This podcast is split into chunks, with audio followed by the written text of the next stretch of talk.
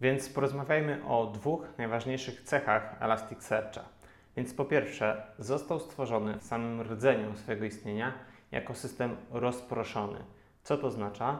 Po pierwsze, oznacza to, że zawsze, gdy mówimy o Elasticsearchu, myślimy o klastru Elasticsearcha.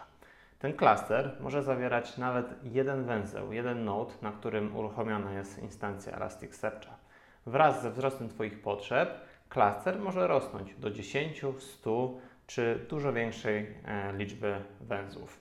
Największe instancje posiadają nawet po 400 węzłów w jednym klastrze, czy po setki terabajtów danych. Drugą ważną cechą Elasticsearcha, drugą taką korową, która miała ważne znaczenia przy projektowaniu tego systemu, było to, by był on dostępny z wielu języków programowania. W tym celu, zamiast tworzyć go jako bibliotekę, którą można umieścić w swojej aplikacji, umieszczono go jako serwis, który udostępnia API RESTowe.